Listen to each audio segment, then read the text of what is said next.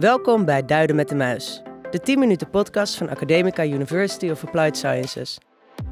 Samen met onze in-huis onderwijswetenschapper Daniel Muis duiden we met elkaar wekelijks de zin en de onzin achter de trends, de gebaande paden en de gewoonte in het onderwijs. Mijn naam is Anna van Zadelhoff, onderwijskundige en learning and development specialist bij Academica. En mijn naam is Daniel Muis. Ik ben onderwijswetenschapper en dean van de School of Education and Society hier bij Academica. Daniel, wij zitten hier face-to-face tegenover elkaar, wat Absoluut. soms best bijzonder is in deze tijden.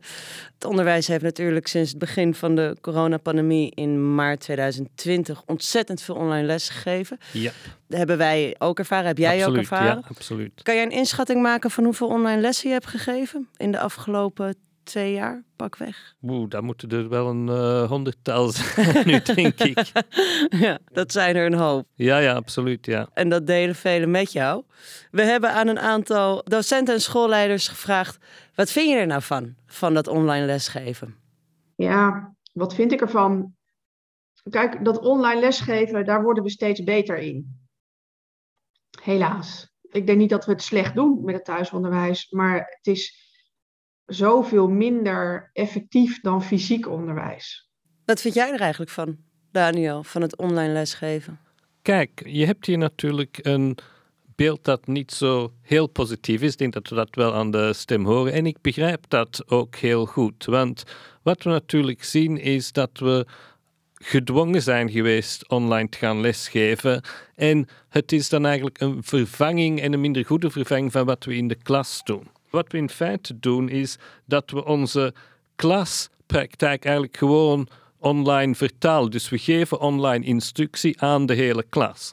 En wat je dan natuurlijk ziet is, ja, dat is minder effectief. Interactie is moeilijker, je kunt je leerlingen niet zien op dezelfde manier en dergelijke. Maar je kunt ook op andere manieren aan online lesgeven denken. En dan zijn er best wel voordelen aan. Ja.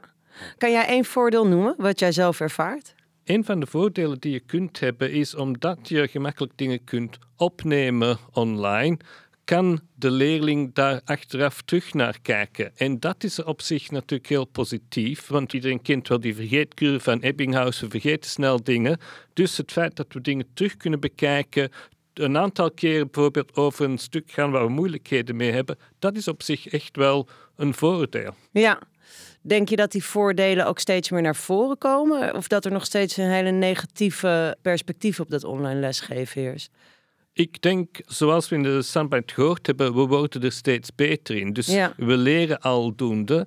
Maar ik denk dat we nog veel verder kunnen gaan. Ik hoop dat na de pandemie, nu dat we als systeem wel flink geïnvesteerd hebben in al die technologie, dat we wat gaan nadenken over hoe kunnen we dat gebruiken op manieren die toegevoegde waarde hebben op wat we in de klas doen. En niet gewoon een vervanging zijn van wat we in de klas doen. Ik denk bijvoorbeeld ook iets als adaptief toetsen, wat je online heel makkelijk kunt doen en waar je er echt ook wel voor kunt zorgen dat je heel goed afstemt op de bestaande kennis en vaardigheden van de leerling.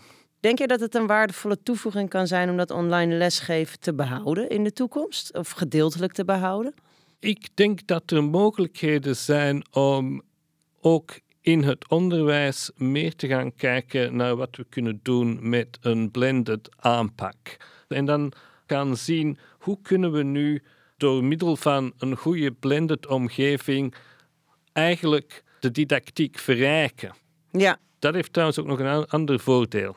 We zitten, zoals eh, je weet, met een flink leraartekort in Nederland.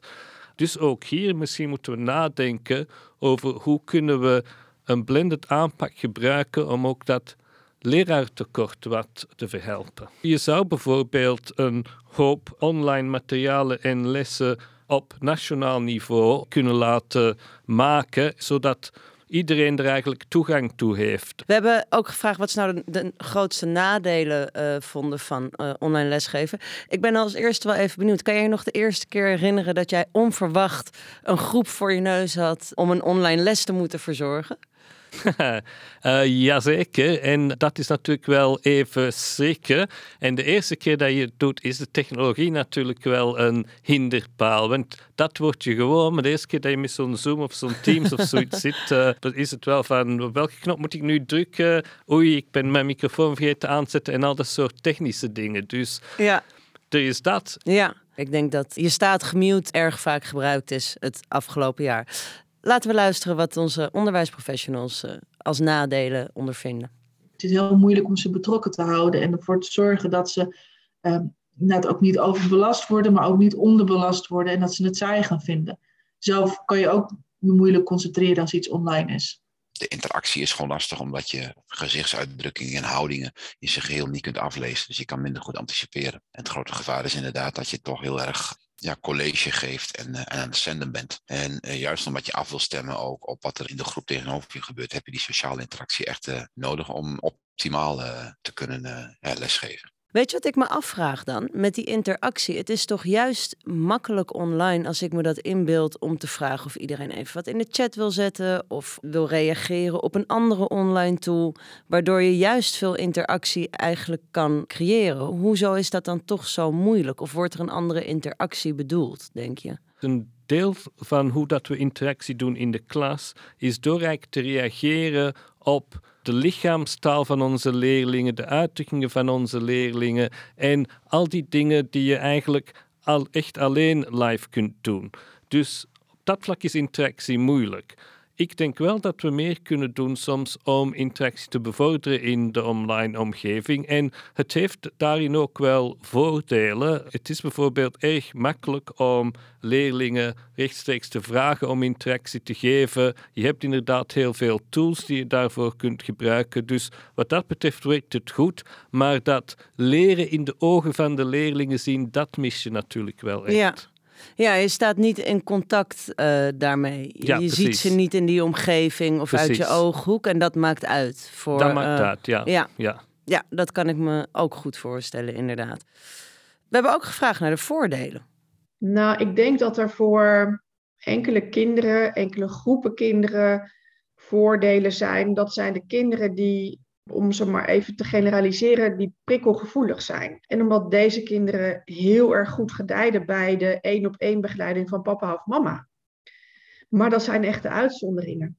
Het maakt wel dat de technieken die je gebruikt, dat je die nog versterkt moet gaan toepassen bij het online lesgeven. Dus je wordt er wel gewoon een betere leraar van. En dat maakt wel dat je lessen veel gestructureerder in elkaar zitten. Het maakt ook dat je meer maatwerk kan bieden. Want ja, je opdrachten moeten zo duidelijk zijn dat kinderen die eigenlijk eh, behoorlijk op niveau zitten, deze zelfstandig kunnen maken. En dat schept weer tijd voor leerlingen die extra ondersteuning nodig hebben. Herken je deze voordelen? Ja, die herken ik zeker wel. Het is interessant dat ik hoor dat je wordt er een betere leraar van, want je verbreedt je repertoire en je moet dingen in een andere omgeving doen. En dat is natuurlijk altijd goed voor je eigen professionele ontwikkeling. Dus dat herken ik absoluut, ja. Waar ben jij denk je beter in geworden uh, door het online lesgeven?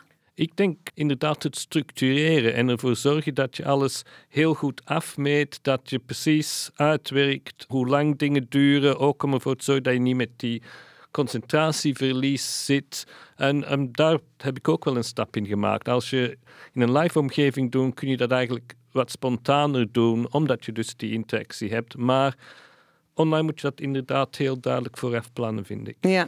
Wat zou, als jij één tip moet geven over het online lesgeven aan al die mensen die dat op dit moment doen, wat zou dat dan zijn? Niet te lang spreken en interactie niet vergeten. Zou ik het hierbij willen laten? Dankjewel, Daniel. Volgende week gaan we het hebben over kansenongelijkheid door online lesgeven in het onderwijs. Dit onderwerp kwam ontzettend veel naar voren tijdens onze interviews over de voor- en nadelen van online lesgeven. En wij vonden dat dit onderwerp een aparte en eigen aflevering verdient. Tot volgende week.